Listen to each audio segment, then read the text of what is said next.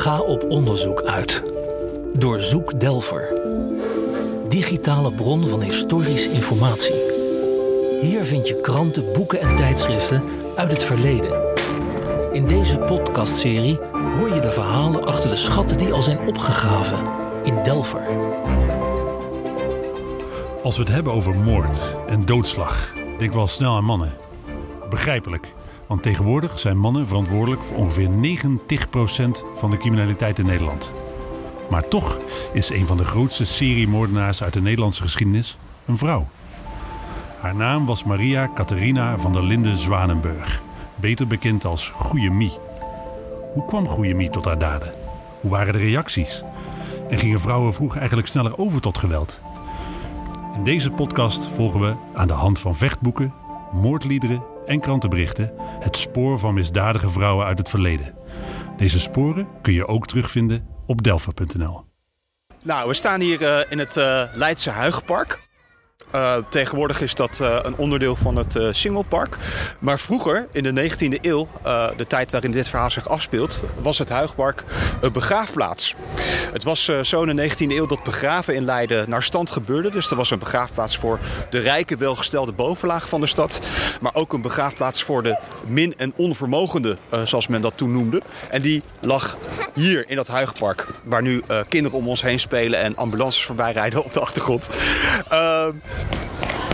De begraafplaats voor min en onvermogen speelt in het verhaal van Goeiemie ja, best een grote rol. Het is namelijk zo dat heel veel van haar slachtoffers hier zijn terechtgekomen. En toen Goeiemie in 1883 gearresteerd werd, besloot justitie al heel snel dat op deze plek lichamen van potentiële slachtoffers moesten worden opgegraven. Want men wilde natuurlijk heel erg graag uitvinden om hoeveel slachtoffers het nou precies ging. Uh, op heel veel van de hier opgegraven lijken is sectie verricht, uh, waarin aangetoond moest worden uh, dat vergiftiging de doodsoorzaak was. en dat arsenicum natuurlijk het vergif was dat gebruikt was. 13 lichamen in totaal. En die zijn hier dus in de ijzige decemberkou, want de arrestatie van Goeiemie was vlak voor kerst, uh, zijn die lichamen hier naar boven gehaald uh, door een stel lijkgravers onder streng politietoezicht. Hè, want men moest natuurlijk zeker weten ja, dat er niet met die lichamen gerommeld werd en dat de goeden naar boven werden gebracht.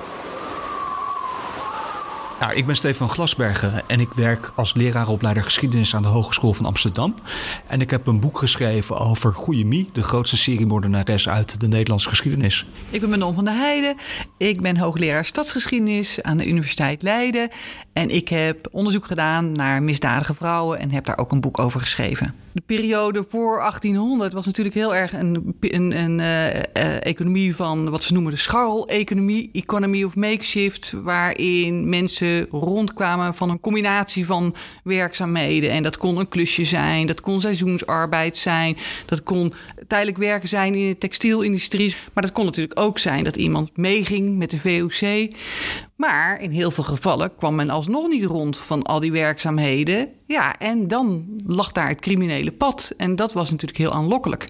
En uh, ik denk wat ik ook kenmerkend is voor de vroegmoderne tijd, is, of voor die periode hè, voor 1800 dat uh, het gewelddadiger was. Dat mensen het gewoon vonden om conflicten op te lossen uh, uh, door met elkaar op de vuist te gaan, door geweld te gebruiken. Zou je, zou je zeggen dat dat ook te maken kan hebben met, met sterftecijfers? Dat de dood gewoon normaler is? Um, nou ja, er zijn allerlei theorieën over, maar over het algemeen verklaren historici of, of criminaliteitshistorici dat door een lange termijn ontwikkeling, wat ze noemen civilisatie, en dat, en dat betekent vooral dat mensen zich meer gingen beheersen en steeds meer ook afkeer kregen van, uh, van geweld. Waar het eerst heel normaal is om met een wapen op straat te lopen. Maar natuurlijk ook, hè, dat zie je in de straffen, dat uh, mensen op het schavot worden gegezeld, dat de straffen openbaar plaatsvinden. Dat je toch steeds meer ziet dat mensen daar ja, minder van gaan houden en, en, en daar afkeer van gaan krijgen. En dat daardoor meer binnenskamers gaat plaatsvinden, eerst die gezeling. En vervolgens helemaal gaat verdwijnen. Ja. Wat ik ook heel mooi vind aan zo'n verhaal als, als Goeie Mie... is dat het enerzijds is het natuurlijk een uitzondering... want bijna niemand hè, pleegde zulke gewelddadige moorden... maar tegelijkertijd is haar geval ook exemplarisch... omdat heel veel vrouwen op die manier moesten rondkomen... maar ook er, uh, die, die, al die steden bestonden uit heel veel vrouwen... uh, die hun gezinnen uh, moesten onderhouden. Hè, dat waren natuurlijk heel veel mannen weg, waren afwezig, die waren of vertrokken. En dat geldt zeker voor 1800 hè, met de VOC. en dus je ziet steden vol eigenlijk vrouwen, en ook vaak een vrouwenoverschot, die het maar moesten zien te redden. En, en dat ging dus niet altijd. Uh, we staan nu op uh, de Oostdwarsgracht, op de plek waar vroeger het geboortehuis van uh, Goeiemie stond. Um, maar ja, dat geboortehuisje van Goeiemie was een hele kleine weverswoning. Dus je moet je voorstellen, als je er binnenkwam, was er een voorkamertje waar pa en ma dan sliepen. Uh, daarachter nog een klein kamertje. En uh, ja, de kinderen, uh, twaalf in totaal, die sliepen met elkaar onder, het, onder het dak. Waar het ja, net zo koud was als buiten, stel ik me zo voor. En ja, dit, dit huis was zo'n gigantisch krot dat uh, eind jaren 80 van de vorige eeuw uh, ja, de gemeente besloten heeft dat er eigenlijk geen redden meer aan was. En het is uh, gesloopt voor nieuwbouw. Er is wel een hele kleine ja, herdenksteen ingemetseld hier. En daar staat op te lezen: hier werd geboren Maria C., dat staat voor Catharina Zwanenburg, bekend als Goeie Mie, op 9 september 1839. En ik vind zelf de, de toevoeging Goeie Mie altijd wel erg belangrijk. Want ik, ik denk als je de gemiddelde leidenaar op straat vraagt... wie is Maria Catharina Zwanenburg, dan heeft men geen idee. Maar goede Mie kennen we nog wel uh, hier in de stad. Dus dat vind ik uh, altijd wel goed. Um, ja, en nu ik toch even de naam Goeie Mie uh, noem... is misschien ook wel aardig om even te vertellen waar dat vandaan komt. Omdat ze toch uh, gezien werd in haar buurt als een verschrikkelijk behulpzame vrouw. die arbeiders die, die leven hier in die 19e eeuw onder omstandigheden... die we tegenwoordig zouden associëren met de derde wereld. dus denk echt aan verschrikkelijk lange dagen maken voor veel te weinig geld... slechte huisvesting, chronische ondervoeding, kinderarbeid. Dat kwam weer allemaal voor. Hè? Nog geen 100, 150 jaar geleden. Ehm, dus mensen waren echt op elkaar aangewezen om te overleven in dat soort buurtjes. Dus uh, Mie, wat natuurlijk ja, een afkorting is van Maria, ja, dat was echt zo'n zo'n buurtvrouwtje. waar je naartoe kon gaan als er even op je kinderen gepast moest worden. als je geen tijd had om de was te doen, wilden ze dat wel even van je overnemen. En die, ja, die naam Goeie Mie, dat was een eretitel voor haar. Zo zag men haar echt. Maar ja, toen eenmaal duidelijk werd wat ze gedaan had, ja, kreeg die, die Goeie Mie bijnaam natuurlijk ook wel een beetje ja, een cynische bijklank. Want ja, zo goed was het niet. Ja. Hoe vreselijk klinkt gruwel onzin door Uit Hollandstad gepleegd door een vrouw. Zo menig heeft een bloedverwant verloren. En pijnst en treurt in een diepe rouw. Helaas gaat alle denkkracht haast te boven.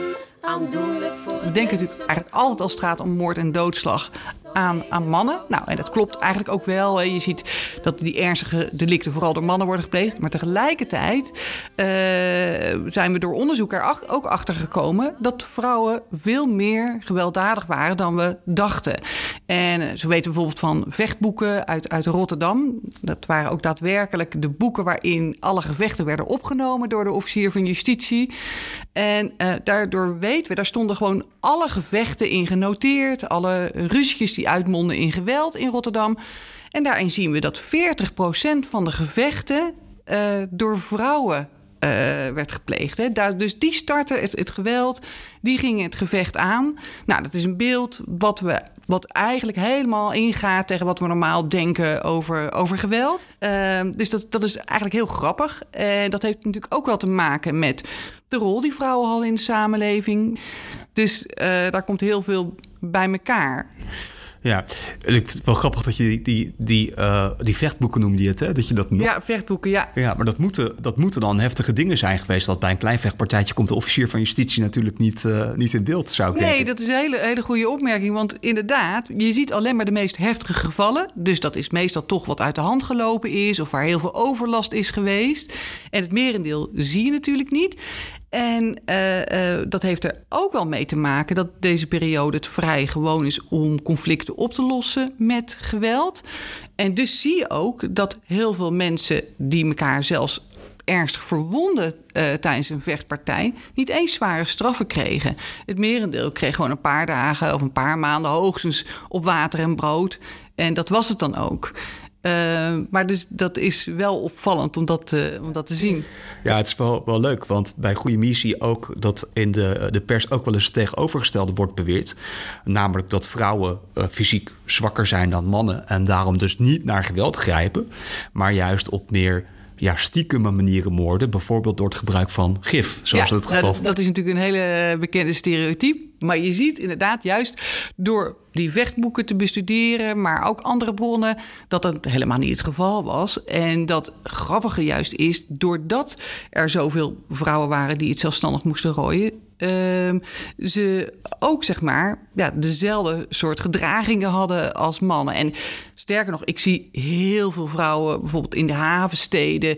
Uh, die um, nou, echt hun mannetje staan. Uh, ik ken vrouwen die aan de kade uh, staan te wachten op de VOSG-schepen die binnenkomen om handel te kunnen drijven en de matrozen iets aan te kunnen bieden die daar aankomen. Nou, en die accepteren het niet als daar een mannelijke concurrent staat en daar gaan ze gewoon mee op de vuist. Dus ja, ja dat is. Ja dat is heel mooi om te zien. En het gaat heel erg in tegen het beeld dat, dat wij hebben. En ik denk soms wel eens, we zijn echt wel toe aan een nieuwe geschiedenis van, uh, van, van Nederland, of met name van de Hollandse steden. Uh, omdat uh, wat we op schilderijen zien, we zien altijd mannen die handel drijven, we zien mannen op de schepen. Maar in de praktijk, en dat weten we steeds meer, waren, het, waren die steden bevolkt door vrouwen, uh, die dus eigenlijk ook in economische zin belangrijk waren, maar dus ook in de criminaliteit en moord en doodslag. Heb jij ook meegemaakt of, of gegevens over in hoeverre Goedemie als vrouw anders werd behandeld in het proces? Uh, nou, het, het, is echt het begin van, van de misdaadverslaggeving in de 19e eeuw. Dat, dat begint dan op gang te komen. En ja, er is constant in, in het binnenland, maar ook echt in het buitenland, heel veel uh, aandacht geweest voor nou, het moment dat ze gearresteerd werd tot en met het proces. Uh, dus er, wordt daar bijna dagelijks over haar geschreven. En het is ja, heel erg sensationeel. En, en dingen worden aangedikt. Maar ook in, uh, ja, in het land zelf, er, er worden prenten verkocht waarop een soort, ja, als een soort stripverhaal wordt uitgebeeld wat ze gedaan heeft. In cafés worden liedjes over haar gezongen. De ja, murder ballads ja, zouden we tegenwoordig... Ja, de moordliedjes. Uh, precies. En wat ik ook wel uh, bijzonder vond... er is in Amsterdam een, een... ja, het heette Panopticum. Dat was een voorloper van Madame Tussauds. was een beeldenmuseum. En in het beeldenmuseum was een gruwelkamer. En daar moest je apart voor betalen om daar naar binnen te mogen. Maar dat werd toch uh, gigantisch druk bezocht. Nou, naar Artjes was dat in de 19e eeuw de tweede attractie van Amsterdam. En daar stond een beeld van, van Goeiemie. Uh, al maanden voordat ze daadwerkelijk uh, veroordeeld werd. Nou, dus dat zegt ook wel iets over de sfeer. Hè? Dat ja, je van, een en al sensatie. Ja, bij een vrouw waarvan we nog niet eens zeker weten dat ze het gedaan heeft, gaan we toch alvast een beeld in de gruwelkamer zetten. Zodat mensen zich daaraan kunnen vergapen. Het portret van vrouw van der Linden, beschuldigd als gifmengster te Leiden, is aan alle kiosken à 5 cent te bekomen, luiden de advertenties in de krant. Al snel na haar arrestatie wist iedereen dat vrouw van der Linden opgepakt was voor de Leidse gifmoorden. Haar naam werd openlijk genoemd. Haar portret ging rond en haar beeld stond in de gruwelkamer, ook al was Mie nog niet veroordeeld. De kranten volgden het onderzoek op de voet en deden uitgebreid verslag van alle ontwikkelingen, zoals in Delft terug te lezen is. Ook de koloniale kranten waren in de ban van deze zaak. Zo schreef de Sumatra-Post op 5 februari 1884 de staaltjes, welke men omtrent de eindelijk ontdekte gifmengster van haar familieleden kan horen, grenzen bijna aan het ongelooflijke en tonen aan dat zij alle menselijk gevoel moet hebben uitgeschud. En pijnst en treurt in een diepe rouw. Helaas gaat alle denkkracht haast te boven, aandoenlijk voor het menselijk gemoed. Dat ene vrouw, wie zou het ooit geloven, uit zucht naar geld hier dertien moorden doet. Hoort hoe de feeks beraden aan gaat leggen. Hoe zij ontgeld... Nou, we hebben inmiddels een stukje door de stad heen uh, gefietst. En we zijn nu in de, de Groene Steeg aangekomen. En dit is uh, ja, het buurtje waar Goeie Mie een heel lange tijd van haar leven gewoond heeft. Uh, eigenlijk vanaf het moment dat ze zelf een gezin sticht met haar echtgenoot Johannes van der Linden, komt ze hier vlakbij te wonen in uh, de Singelstraat. Dat is een straatje dat nu niet meer bestaat, maar vroeger aan het einde van uh, de Groene Steeg uh, lag. Ja, en eigenlijk herhaalt daar alle ellende die ze in haar jeugd heeft meegemaakt zich gewoon opnieuw. Uh, want ze krijgt met die Johannes van der Linden uh, negen kinderen, waarvan er ook zes voor een eerste verjaardag al overlijden. Um, ja, uh, eentje aan cholera, maar ja, ook gewoon kindersterfte in algemene zin was heel erg hoog in die tijd in, in arbeidersgezinnen. dus ja, dat, dat kinderen vroeg dood gingen, dat, dat was normaal. En daar hield men eigenlijk op een bepaalde manier ook wel rekening mee.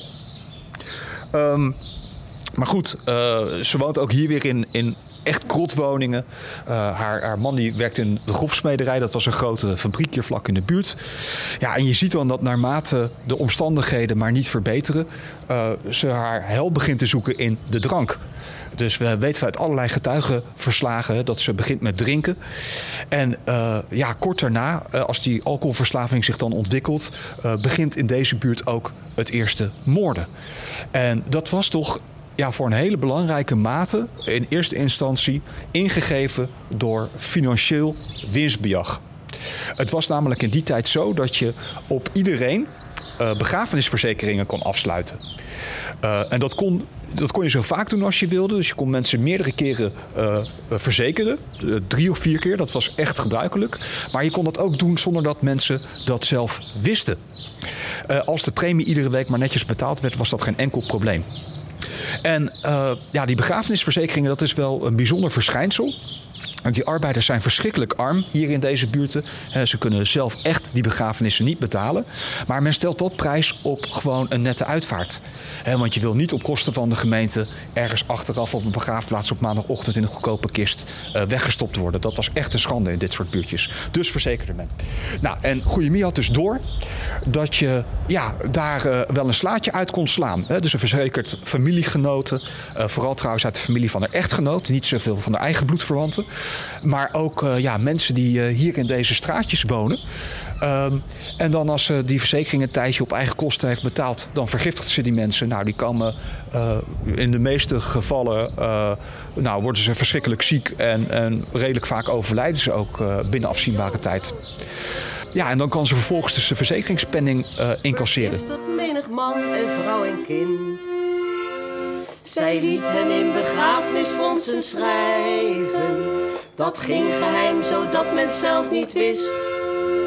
Zij zorgde wel dat zulks geheim kon blijven. Daarna begon haar moord met slangenlist. Langzaam vergif heeft zij dus ingegeven. In december 1883 probeert Mie het gezin van haar zwager Hendrik Frankhuizen te vergiftigen. Door, als ze even weg zijn, hun huisje binnen te sluipen en arsenicum in de pap op het vuur te doen. Het gezin eet er bij thuiskomst van en moeder en de baby overlijden al snel daarna. Maar dan gebeurt er iets heel uitzonderlijks, namelijk die vader die houdt het wat langer vol. En die gaat leunend en strompelend op zijn oude moedertje naar de Breestraat, want daar zit een arts, dokter Wijnand Rutgers van der Loef. Um, en die arts die stelt vast dat er ja, sprake is van vergiftiging. Hè. Die, die ruikt onraad en uh, die schakelt de politie in. En dat is een heel bijzonder moment, want die arbeiders die waren zo verschrikkelijk arm dat artsen uit de betere buurten van de wijk eigenlijk hier gewoon niet kwamen. Dus er zijn wel gevallen geweest waarbij slachtoffers van MI geprobeerd hebben om een dokter te zien, maar ze kwamen gewoon niet. En andersom is het ook zo dat arbeiders zorg meden omdat ze gewoon bang waren voor kosten. Dus er zijn tientallen vergiftigingspogingen geweest. Ik, ik denk in totaal misschien wel 60 van mensen die dus ja, gewoon geen arts hebben gezien en daarom het uiteindelijk niet overleefd hebben. En dat is ja, een hele belangrijke verklaring waarom het zo lang heeft kunnen doorgaan. Uh, uh, men had het gewoon niet in de gaten. Maar die Rutgers van der Loef die let dus wel op. Uh, schakelt de politie in en dan ja, wordt hier heel snel een buurtonderzoek uitgerold. En ja, dan komen ze toch vrij snel bij goede Mie uit.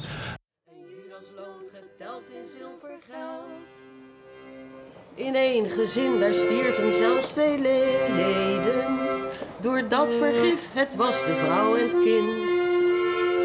De man werd ziek naar het gasthuis toe. Nou, we zijn een stukje uh, de Groenesteeg doorgelopen richting uh, de begraafplaats Groenesteeg.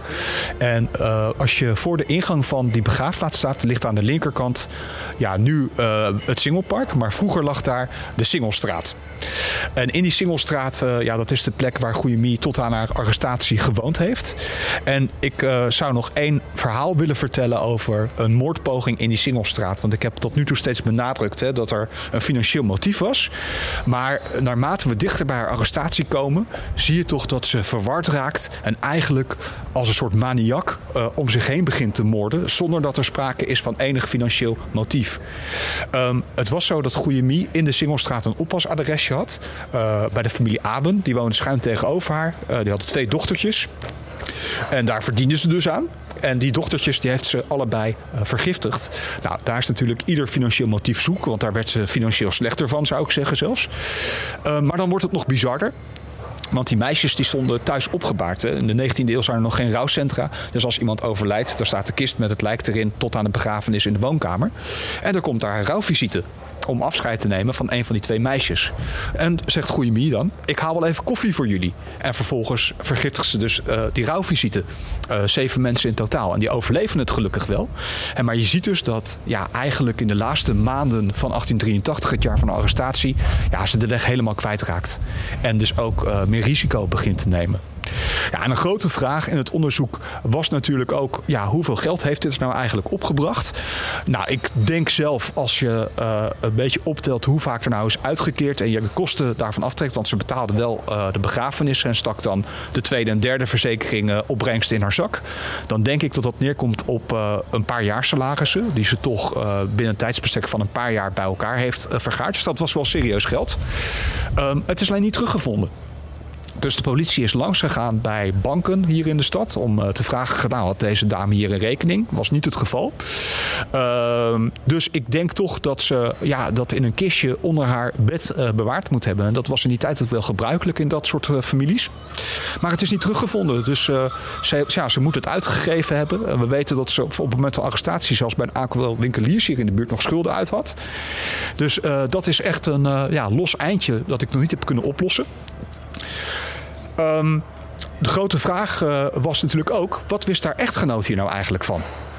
En die Johannes van der Linden die is uh, op een gegeven moment uh, wel gearresteerd. Hij heeft ook een paar nachten vastgezeten hier onder het stadhuis in die cellen daar. Um, want ja, men dacht, die moet er toch iets van af hebben geweten. Als er in zo'n korte tijd in je huis een, een smak munten ligt, weinig meubilair, ja, dat valt toch bijna niet te missen. Um, Goeiemie heeft gigantisch huis gehouden in zijn familie. Al zijn broers en zussen zijn aan de beurt gekomen. Maar ook neven van zijn kant van de familie. Uh, schoonzussen, uh, nou, noem het maar op. Um, ja, die sterven dan toch allemaal in, in redelijk korte tijd achter elkaar. En hebben ook allemaal vergelijkbare ziekteverschijnselen. Um, dus ja, nu terugkijkend is het vrij bijzonder dat hij de dans is ontsprongen. Want hij is niet veroordeeld. En uh, ja, daar heeft de pers denk ik ook wel een, een rol in gespeeld. Hij is eigenlijk vrij kort na zijn arrestatie in de lokale kranten, maar ook op nationaal niveau, ja, gepresenteerd als slachtoffer. Die uh, ja, ook maar te maken had met zijn volkomen gestoorde vrouw.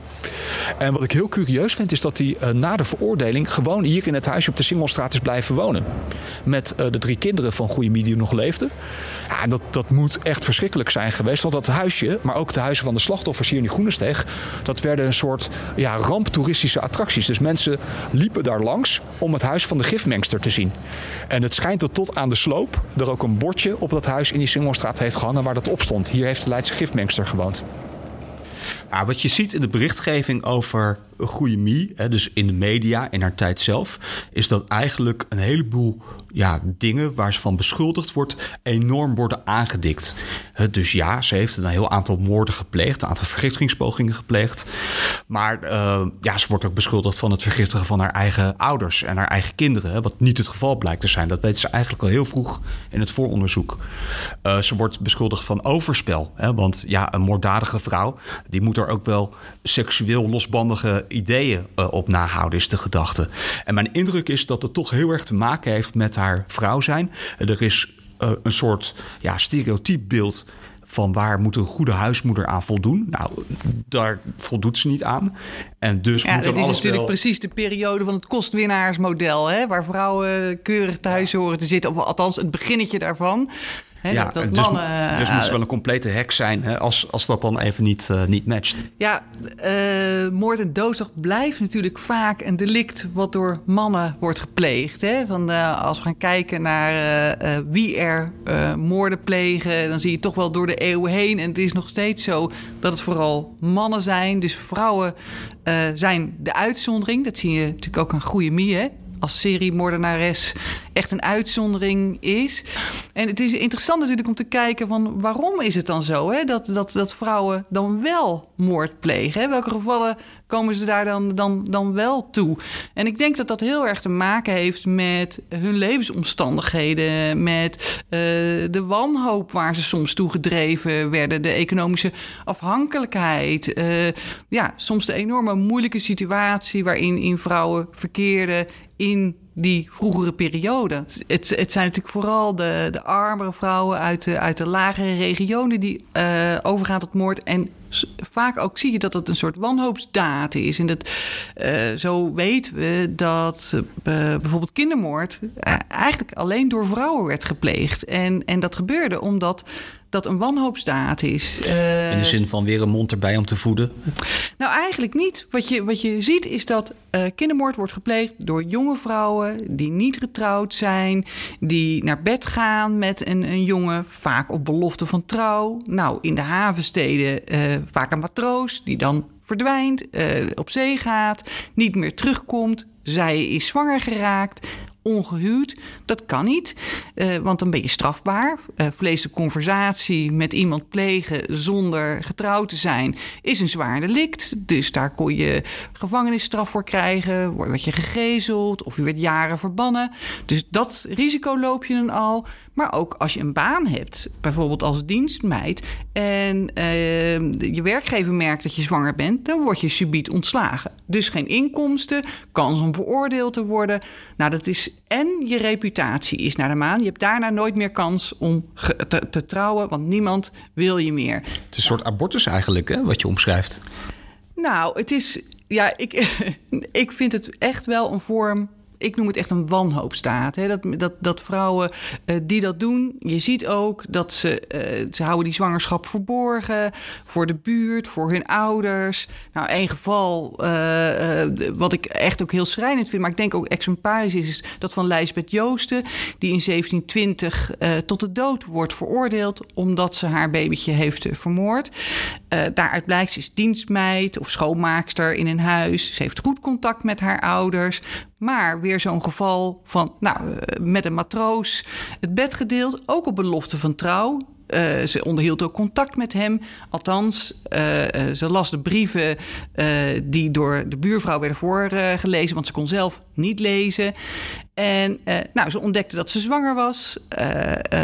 Maar hij kwam nooit terug, liet niks meer van zich horen.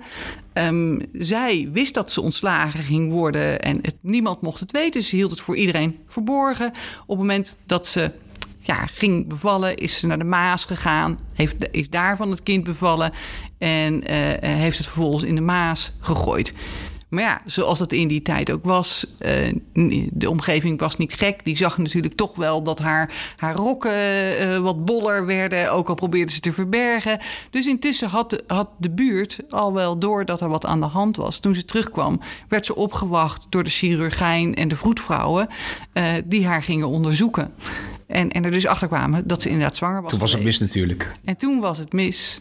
Ja, maar dat is natuurlijk een enorm schrijnend geval. Want je ziet dan iemand die ja, alles probeert op te houden en probeert eh, verborgen te houden. En ja, dat, dat, dat, dat kind vermoorden, dat is eh, eh, in echt een wanhoopstaat.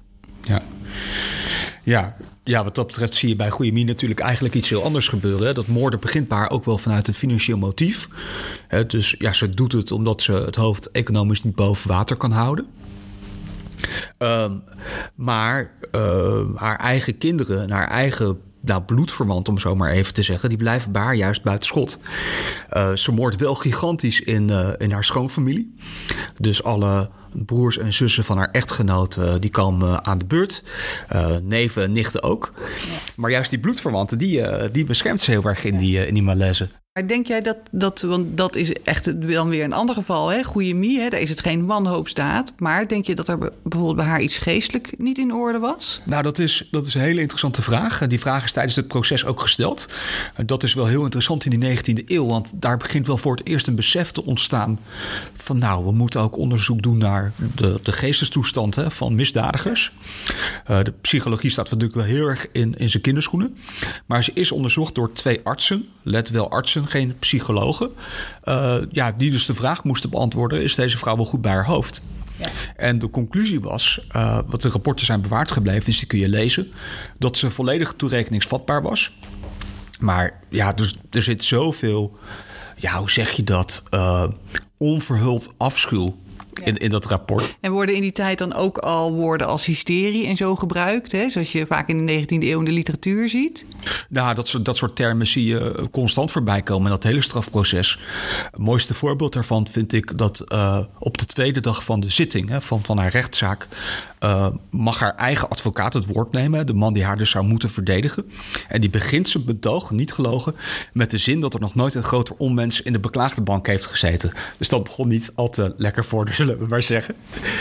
Uh, dus ja, kijk, naar onze moderne maatstaven is hier geen sprake van ja, objectief onderzoek hè, door die artsen naar geestestoestand. Maar ook geen objectieve verdediging. Nee, nee. maar wel al blijkbaar enig besef van dat, het, dat geestelijke toestand ook een rol kan spelen bij het plegen van een moord. Ja, en dat je in ieder geval uh, moet uitsluiten voor een veroordeling dat daar sprake van is. Ja, dat is echt nieuw in deze tijd. Heeft zij dus ingegeven? Zo zoetjes aan werd men dus ongesteld. Tussen circa 1864 en 1883 vergiftigde Mie tientallen familieleden en buren. Het is moeilijk te achterhalen hoeveel slachtoffers Mie precies maakte. Maar vermoedelijk ging het om 23 moorden. Daarnaast vergiftigde ze ook nog eens 42 andere mensen uit haar omgeving. Die wisten te overleven. Geteld in. Een vraag is, uh, heeft ze ooit berouw getoond voor haar misdaden? Nou, dat is uh, eigenlijk nooit echt gebeurd. Ik kan me één uh, voorval herinneren. En dat heeft te maken met ja, een andere moordzaak. Namelijk die op de broertjes De Hees. Uh, dat ging ongeveer zo. Uh, er, uh, er was een familie De Hees. Dat was ook aangetrouwde familie van Goeiemie. Die woonde hier trouwens ook in het buurtje. Nou, eerst heeft Goeiemie de moeder van dat gezin vermoord. Vader was al dood.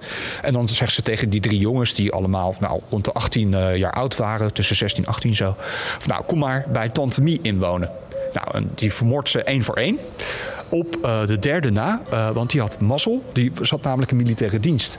En uh, dat heeft ervoor gezorgd dat hij na zijn vergiftiging in het militair hospitaal hier in de stad is opgenomen. En dat heeft zijn leven gered. Um, maar vervolgens terwijl ze, uh, hij daar dan in dat ziekenhuis ligt, uh, ja, stuurt Goeiemie haar echtgenoot Johannes van der Linden daar naartoe met een broodje worst uh, dat ze vergiftigd had. die Arend Dees, dat was zijn naam, die besluit dat met zijn maten daar in dat ziekenhuis te delen. De drie man worden ook alle drie doodziek, overleven het gelukkig wel. Ehm, maar van, van dat verhaal, dus ja, het vergiftigen van ja, die soldaat daar heeft ze op enig moment in het proces wel van gezegd ja, dat, ze dat, uh, dat ze daar wel berouw van had. Maar dat is het enige moment op dus ruim 60 vergiftigingspogingen uh, waar we echt kunnen aanwijzen van nou, dat was een, een probleem. stierven zelfs twee leden. Door dat vergif, het was de vrouw en het kind. De man werd ziek naar het gasthuis toegereden. Gerukt van het hart dat hem door liefde... Nou, wat heel interessant is in uh, het verhaal van Goeie Mie is wat zij zelf zegt over ja, waarom ze het nou eigenlijk gedaan heeft, wat haar motieven waren. En vanaf het moment van haar arrestatie is ze in alle verhoren heel erg aan het draaien. dus ze beweert van alles, ze probeert er onderuit te komen. Uiteindelijk bekent ze wel een paar moorden. Maar één ding wat ze constant is ja, blijven beweren, is dat ze haar misdaden onder invloed van drank heeft uh, gevoerd. En uh, ja, als je de ooggetuigenverklaringen doorleest, dan zie je ja, dat er echt wel gedronken werd in die uh, arbeiderswijtjes. Uh, Jenever vooral. Leiden was echt een Jeneverstad nou, tussen 1815 en 1880, veel meer dan bier. En uh, ja, als er uh, bijvoorbeeld uh, iemand overleed, dan, dan stond het lijk thuis opgebaard in de woonkamer. En dan kwamen de buren langs om even een paar glazen jenever te drinken. zo ging dat. Ja, nou ja, ik denk ook dat heel veel moord en doodslag... bedoel, Goede Min noemt het als excuus... maar het appelleert natuurlijk ook wel aan een realiteit. Dat uh, er werd heel veel uh, uh, uit de hand gelopen geweld. Was natuurlijk ook gerelateerd aan alcohol. Dat zie je niet alleen in de 19e eeuw, maar dat zie je ook, ook daarvoor. En het, het, ja, en het, het, het, wat ik altijd zelf het grappige vind, is dat wij denken dan altijd: het zijn mannen die drinken. Maar nee, je ziet ook heel veel vrouwen die drinken en die toegang hadden tot alcohol. En uh, wat ik altijd opvallend vind als ik ga kijken naar al die, al die rechtelijke verslagen, is dat hoeveel vrouwen er zijn die op straat voor hun huis drinken. En dat kon inderdaad sterke drank zijn of wijn, maar ook vrouwen die gewoon naar herbergen gingen en, uh, en, en, dronken. En, uh, herbergen misschien zelfs wel runden. Nou, dat kon natuurlijk ook zeker. Ja. Nee, en zo, ik, uh, ik ken één geval, wat ik zelf ook wel een mooi geval vind, van Aaltje Kuisten, uh, die ook uh, tot de dood werd veroordeeld. Aaltje was al niet zo'n nette vrouw. Ze was veertig, ze werd de dragonder genoemd en was al meerdere malen veroordeeld. hield ook nogal van een drankje. En op een avond was ze met haar vriendin Lijstje uh, die ook wel van een drankje hield, maar nog niet zo ernstig. En uh, ze had al wat op, Aaltje. Maar uh, die wilde nog verder naar de kroeg gaan samen met Lijstje om door te drinken. En Lijstje zei: Doe dat nou niet, je hebt al voldoende gedronken. En die wist ook dat Aaltje een slechte dronk had. Nou, uh, Aaltje wist, wilde van niks weten. Dus hij zei: Ik ga naar, naar de kroeg. Ik wil nog een soopje drinken, zoals dat noemde. Het lijstje hield haar tegen. En Aaltje pakte haar mest en stak haar midden in het gezicht. Nou, verschrikkelijk. Uh, Lijstje uh, stortte neer op de grond. En blijkbaar was Aaltje zo ongelooflijk dronken... dat ze daarna dacht, oké, okay, Lijstje ligt op de grond... ehm, maar ik ga naar bed. ze had te veel gedronken. Ja, ze had even doorgehaald. En ze is gaan slapen, volgens haar eigen relaas. De volgende ochtend werd ze om vijf uur wakker. Ze pakte de zwavelstok omdat het nog zo vroeg was... dat, ze, dat het was nog niet licht. Nou... Ze ziet in het licht lijstje op de grond liggen. Uh, ze voelt haar pols. Nou, die leeft niet meer. Realiseert dat ze een moord heeft gepleegd. Vlucht en gaat vervolgens uh, uh, door het land reizen en zelfs naar het buitenland op de vlucht.